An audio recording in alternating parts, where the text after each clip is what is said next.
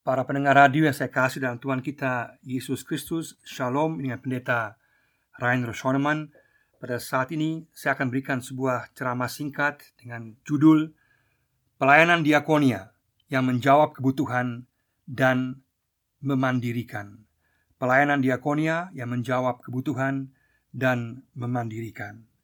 Kalau kita lihat dalam Alkitab, jelas bahwa pelayanan diakonia ditujukan kepada mereka yang sungguh-sungguh membutuhkan pertolongan. Bagi mereka yang sakit, mereka yang lemah, atau mereka yang terpinggirkan, mereka yang tertindas, maka pelayanan diakonia pertama-tama ditujukan dan diarahkan kepada mereka yang sungguh-sungguh dalam keadaan yang terpuruk, tertindas, dalam kesakitan, dalam kemiskinan, dan dalam kesulitan di tengah-tengah kehidupan mereka.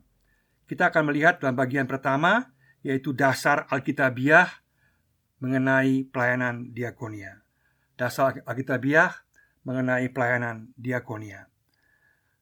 Kalau dalam perjanjian lama dan juga dalam bangsa Israel dulu sangat jelas bahwa soal pelayanan sosial diakonia ini diatur dalam suatu sistem kenegaraan yang diatur dengan sangat baik dalam hukum Taurat. Sehingga mereka-mereka yang mengalami kesulitan, mereka yang miskin, mereka yang tertindas dapat sungguh-sungguh ditolong dan sungguh-sungguh dapat dipedulikan dan kemudian dapat dibantu di tengah-tengah situasi mereka. Hanya sering kali memang juga terjadi bahwa para penguasa tidak memperhatikan hukum Taurat, tidak memperhatikan hukum dan kemudian mereka juga tidak peduli kepada orang miskin dan mereka yang tertindas sehingga banyak nabi yang jelas-jelas menentang sikap untuk menindas dan untuk menelantarkan orang-orang miskin karena tidak sesuai dengan hukum Taurat. Dalam perjanjian lama, Pengaturannya sangat baik untuk menolong orang miskin dengan berbagai peraturan yang diberikan dalam hukum Taurat. Kalau dalam perjanjian baru kita lihat bahwa Yesus jelas sekali sangat peduli kepada orang-orang yang lemah, orang yang sakit, orang yang tertindas, orang yang miskin, orang yang membutuhkan pertolongan. Yesus sungguh-sungguh melayani secara diakonia dengan menyembuhkan orang, mendampingi orang, memberikan makan bagi mereka yang membutuhkan makanan, dan Yesus sungguh-sungguh peduli kepada mereka yang tertindas dan terpinggirkan. Dan pola pelayanan Yesus inilah yang menjadi contoh dasar bagi gereja sepanjang zaman. Yesus yang peduli kepada orang lain, maka gereja pun, orang percaya pun dipanggil untuk peduli terhadap mereka yang miskin, mereka yang membutuhkan pertolongan, mereka yang sakit, dan mereka yang tertindas. Karena kita orang Kristen haruslah dikenal sebagai pelayan Kristus. Kita baca Yohanes 12 ayat 26. Karena Yesuslah pelayan yang sejati. Kita juga lihat Roma 15 ayat 8, Galatia 2 ayat 17. Dan kita dipanggil untuk mengikuti teladan pola pelayanan Yesus. Markus 9 ayat 35, pasal 10 ayat 43, lihat juga 2 Korintus 3 ayat 6, pasal 11 ayat 23 dan juga Kolose 1 ayat 7. Artinya kalau kita melihat pelayanan Yesus yang pada puncaknya kita lihat juga dalam perumpamaan yang sangat terkenal yaitu perumpamaan tentang orang Samaria yang baik hati dalam Lukas 10 maka kepedulian Yesus nyata bahwa sangat penting bahwa kita mengasihi sesama kita manusia khususnya mereka yang juga mengalami kesulitan, tertindas, miskin dan mengalami kesakitan. Sehingga tugas gereja sama dengan tugas yang Yesus lakukan selain pelayanan penginjilan yang Yesus lakukan mengabarkan kabar baik keselamatan pengampunan Allah, maka Yesus juga menyembuhkan. Maka Yesus melakukan sekaligus pelayanan penginjilan, mengabarkan kabar baik sekaligus juga melayani secara sosial diakonia. Nah, itulah misi. Misi adalah pelayanan penginjilan sekaligus sosial diakonia. Dan kedua-duanya harus diperhatikan secara seimbang. Tidak ada yang primer, tidak ada yang lebih unggul. Apakah penginjilan atau sosial diakonia? Dua-duanya penting. Kita bisa mulai dengan pelayanan sosial diakonia sebagai titik berangkat Dengan pelayanan kesehatan, pendidikan Juga membantu orang miskin. Tapi memang tujuan akhirnya tentulah Membawa orang kepada suatu pengenalan akan Yesus sebagai Tuhan dan Juru Selamat Yang membawa kepastian pengampunan dan keselamatan. Jadi yang menentukan bukan soal hal primernya, tapi hal ultimatifnya. Ultimatifnya yaitu membawa orang kepada pengenalan akan Tuhan. Maka jenis pelayanan kita, apakah dari pekabaran Injil ataukah sosial diakonia, kedua-duanya akhirnya harus membawa orang kepada pengenalan akan Yesus sebagai Tuhan dan Juru Selamat. inilah pemahaman dasar dari perjanjian baru. Kemudian kita tahu bahwa dalam kisah para rasul 6, gereja mula-mula kemudian memperkenalkan yaitu jabatan sebagai diaken. Kenapa? Karena pada waktu itu gereja mula-mula banyak sekali terdiri dari orang-orang yang miskin. Mereka yang mengalami kesulitan untuk makanan sehari-hari mereka, sehingga para rasul harus mencari solusi bagaimana dapat mengatasi persoalan tersebut. Sehingga banyak sekali persembahan, bantuan dipakai oleh jemaat mula-mula untuk membantu mereka yang miskin. Dengan pembagian makanan bagi para janda dan mereka yang membutuhkan. Kita lihat dalam kisah para rasul 6. Kemudian juga kita lihat dalam 1 Timotius pasal 3 ayat 8 sampai 13 kita lihat bahwa hal tersebut kemudian diajarkan oleh Rasul Paulus sebagai pelayanan sosial diakonia bagi gereja sepanjang zaman. Dengan demikian, dari awalnya gereja memperhatikan kebutuhan baik rohani maupun kebutuhan jasmani. Sehingga manusia secara utuh, baik kebutuhan rohaninya maupun kebutuhan jasmaninya harus diperhatikan oleh gereja. Kalau gereja tidak memperhatikan pelayanan sosial diakonia dengan serius, maka dia sedang melawan atau sedang menolak tugas utamanya yaitu melayani orang-orang miskin dan mereka yang membutuhkan pertolongan. Secara praktisnya juga berarti bahwa tidak ada gunanya segala jenis formalitas gereja kita, segala jenis ibadah kita, segala jenis bangunan gedung kita yang indah-indah apabila pelayanan penginjilan dan pelayanan sosial diakonia tidak mendapatkan perhatian utama. Karena itulah yang primer. Karena kita dipanggil untuk membawa kabar baik keselamatan Yesus dan juga melakukan tindakan kabar baik itu yaitu dengan menghargai orang lain, mengasihi orang lain secara nyata, secara praktis, dengan menolong orang miskin, mereka yang sakit, mereka yang kurang pendidikan, mereka yang tertindas, mereka yang terpinggirkan. Itulah tugas gereja sepanjang zaman. Dengan demikian, sangat jelas bahwa gereja yang sesuai dengan maksud Yesus adalah gereja yang melakukan pekabaran Injil dan sosial diakonia secara bersama-sama. Yang kedua di sini yaitu pelayanan diakonia di masa kini. Pelayanan diakonia di masa kini. Maka pelayanan sosial di masa kini sekali lagi yang paling utama adalah bahwa kita melayani mereka yang sungguh-sungguh membutuhkan pertolongan. Berarti sosial diakonia kita diarahkan kepada mereka yang sungguh-sungguh membutuhkan pertolongan dalam hal kesehatan, dalam hal pendidikan, mereka yang miskin, mereka yang tertindas, mereka yang terpinggirkan. Itulah jelas sekali. Maka sosial diakonia itu bukan bantuan kepada mereka yang sudah memiliki kecukupan, tidak.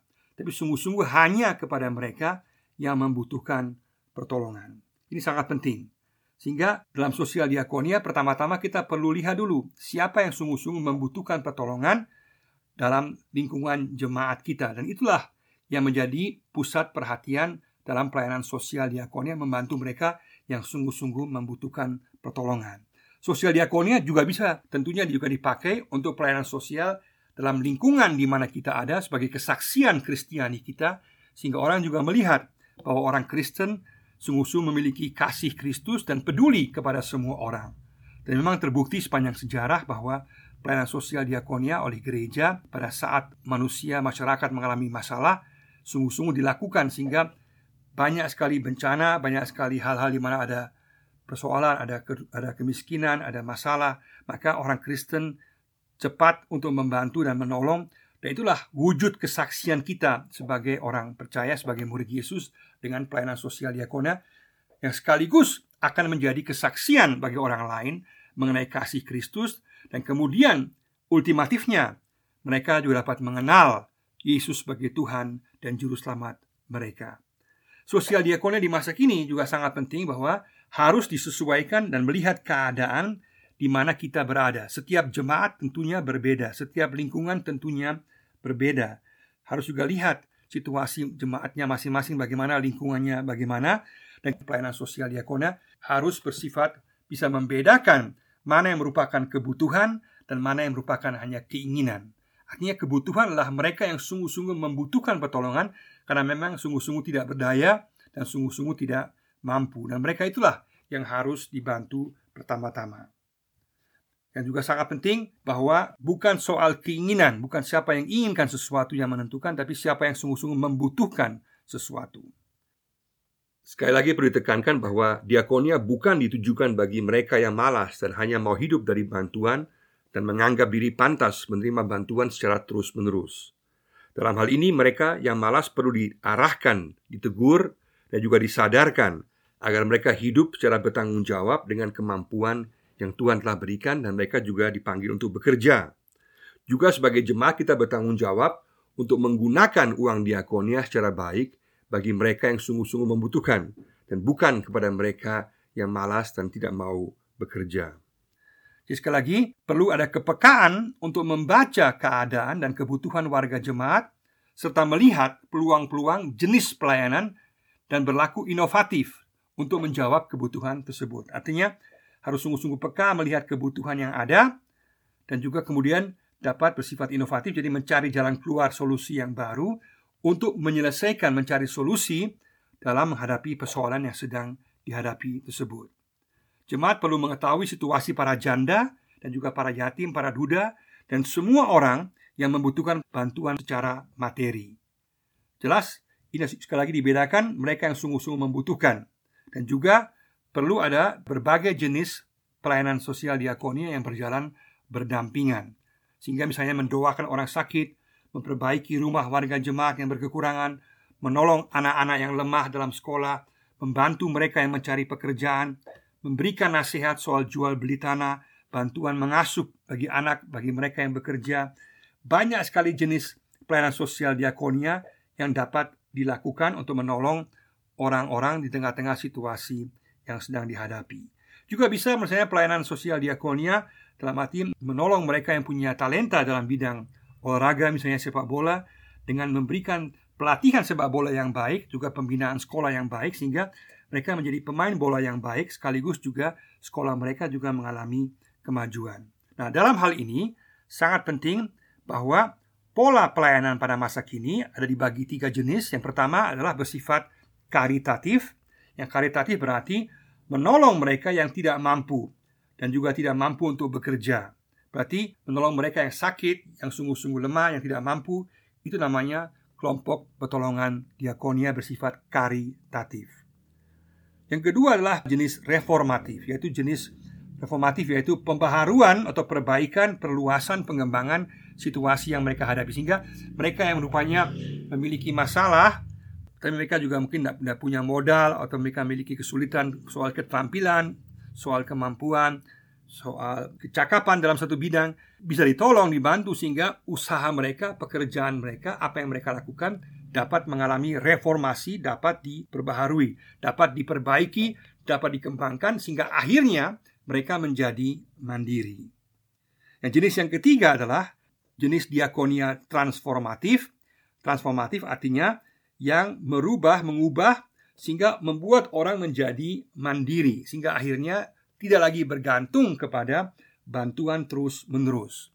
Artinya kita memberikan kail bukan memberikan ikan atau dalam bahasa lain kita memberikan kemampuan, kita memberikan keterampilan, kita memberikan cakapan, kita memberikan modal dasar tapi bukan sekedar hanya terus-menerus membantu secara material saja tapi memberikan kemampuan dan juga memberikan kecakapan, keterampilan sehingga kemudian pribadi tersebut dapat menjadi mandiri dalam usahanya, dalam keterampilannya dalam pekerjaannya, dan bahkan kemudian dapat menolong orang lain. Karena sangat penting secara mendasar dari Alkitab adalah bahwa dikatakan dalam 2 Timotius pasal 3 ayat 10 sampai 11 bahwa hanyalah orang yang bekerja yang boleh makan. Artinya mereka yang bekerja, yang mampu bekerja harus sungguh-sungguh bekerja. Artinya hanya mereka yang tidak mampu yang mendapat bantuan diakonia secara karitatif.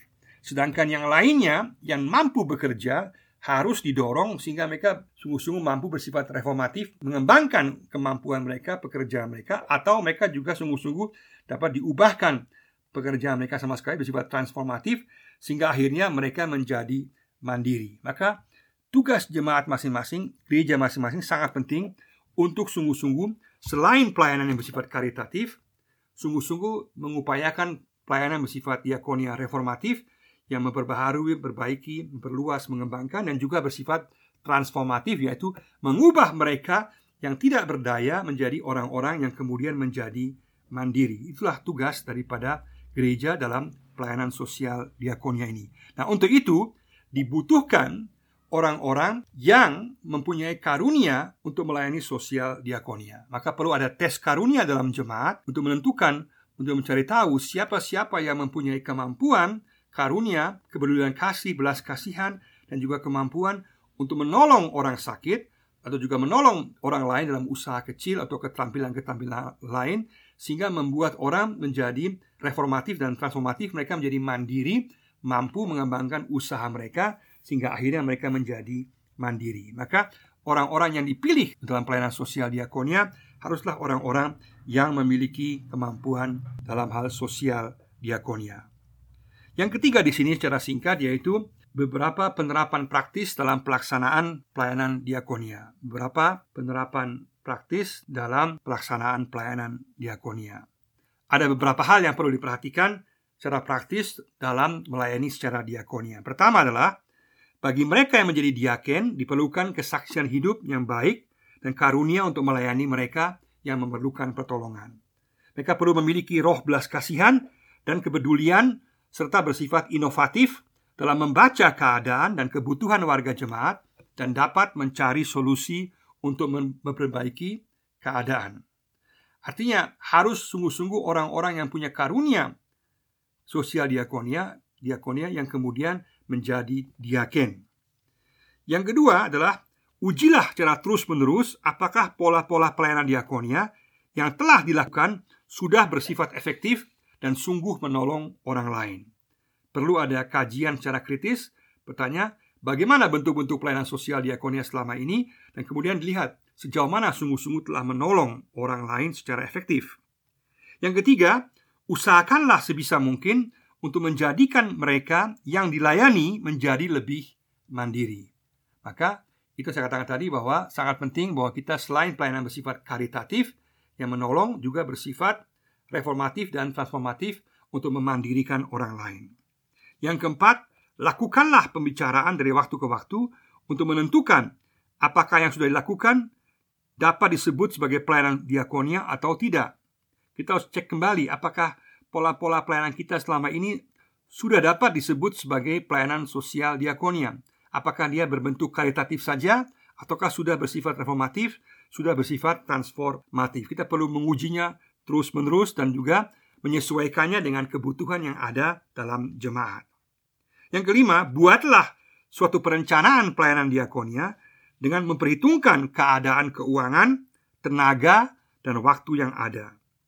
Lakukanlah pengkaderan bagi mereka yang membantu dalam pelayanan diakonia perlu juga dilakukan dari waktu ke waktu. Artinya, kita sungguh-sungguh buat perencanaan untuk lihat kebutuhan dalam jemaat bagaimana, situasi keuangan bagaimana, tenaga kita bagaimana, waktu kita bagaimana, dan juga mengkaderkan orang sehingga sesuai dengan kebutuhan baik dalam bidang kesehatan, pendidikan, juga usaha kecil, atau bidang-bidang yang lain, pendampingan soal HAM atau pendampingan soal yang bersifat jual beli tanah atau usaha yang lain, kita sungguh-sungguh mempunyai pengkaderan sehingga kita dapat sungguh-sungguh menolong orang yang sungguh-sungguh membutuhkan pertolongan dalam setiap bidang tersebut. Kita buat perencanaan. Pada akhirnya, jati diri kesaksian pelayanan gereja nampak selain dalam penyampaian berita Injil keselamatan Matius 28, juga dalam pelayanan diakonia kepada mereka yang membutuhkannya. Kita baca misalnya Matius 25 ayat 40. Apa yang kamu buat untuk mereka yang lemah? Untuk menjalankan tugas pelayanan diakonia, kita memerlukan hikmat dari Allah untuk menganalisa keadaan jemaat, membaca kebutuhan warga, menentukan program-program yang bersifat prioritas, bersifat inovatif, dan bertanggung jawab dalam keuangan, serta terus-menerus memiliki roh belas kasihan dan sukacita dalam menjalankan tugas pelayanan. Simpulkan secara praktis, satu, diperlukan suatu pemahaman tentang pelayanan sosial diakonia yang luas, yang mencakup banyak sisi kehidupan manusia. Ini sangat penting. Maka kita harus belajar bahwa sosial diakonia itu sungguh-sungguh luas. Ada banyak sekali jenis pelayanan sosial diakonia bergantung pada kebutuhan manusia secara jasmani yang dapat kita perhatikan dan itulah bagian daripada pelayanan sosial diakonia. Dan ini harus disesuaikan dengan situasi dan keadaan setempat kita. Jadi perlu ada penjelasan bahwa sosial diakonia itu sungguh-sungguh luas, bukan hanya sekedar kita membayar uang peti atau membayar uang rumah sakit atau hal-hal seperti itu bukan, tapi sungguh-sungguh dalam banyak hal, pembinaan usaha kecil, dalam membantu anak-anak di sekolah, dalam membantu orang di tengah-tengah mencari pekerjaan dan macam-macam hal yang lain juga membantu orang yang rumahnya rusak. Ada banyak sekali jenis pelayanan sosial diakonia yang dapat dilakukan. Perlu ada perluasan wawasan tentang sosial diakonia. Yang kedua, adanya pola yang bersifat transformatif sebagai tujuan dan bukan hanya sekedar karitatif. Maka tujuan akhir kita adalah memandirikan orang. Jelas dalam jemaat akan ada orang-orang yang tetap membutuhkan pertolongan karitatif karena mereka lemah dan tak berdaya, tapi banyak sekali orang sebetulnya dapat dimandirikan sehingga mereka tidak bergantung lagi kepada bantuan-bantuan sehingga menjadi mandiri dalam usaha mereka.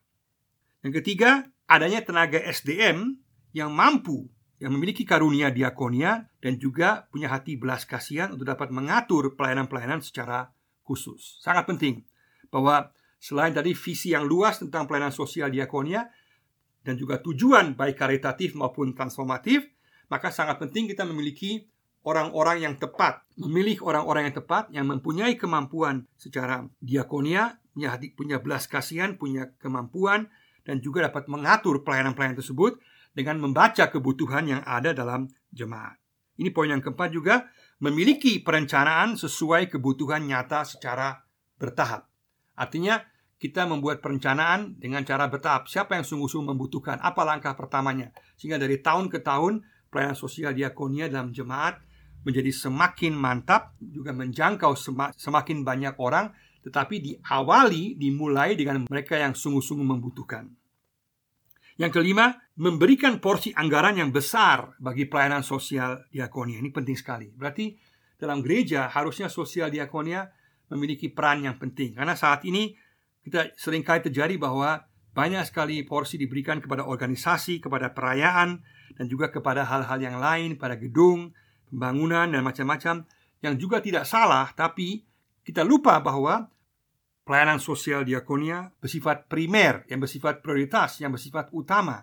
Gereja kalau tidak melayani sosial diakonia, berarti dia bukan gereja Kristus. Karena Kristus mengajarkan kita, selain mengabarkan Injil, kabar baik pengampunan keselamatan yang Tuhan berikan, akan kehidupan kekal juga untuk melayani penuh kasih dan memandirikan orang, melayani orang yang sakit, yang membutuhkan pertolongan, yang miskin. Sehingga demikian maka anggaran bagi sosial diakonia dalam jemaat bagi mereka yang sungguh-sungguh membutuhkan dan juga bagi lingkungan di mana kita berada harus sungguh-sungguh diperhatikan. Kalau kita tidak memperhatikan pelayanan sosial diakonia dengan serius, maka itu akan melumpuhkan dampak pelayanan jemaat kita atau gereja kita terhadap lingkungan masyarakat di mana kita berada, dan bahkan akan dianggap tidak menyentuh dan tidak mempedulikan mereka yang membutuhkan. Maka, menurut saya, kita perlu suatu pertobatan secara mendasar bagi jemaat-jemaat, bagi gereja-gereja untuk kembali kepada suatu pelayanan sosial diakonia yang aktual, yang efektif, dan transformatif, agar banyak orang dapat disentuh dan ditolong oleh kasih Kristus secara nyata dan dengan demikian gereja memuliakan Allah. Tuhan memberkati kita semua. Amin.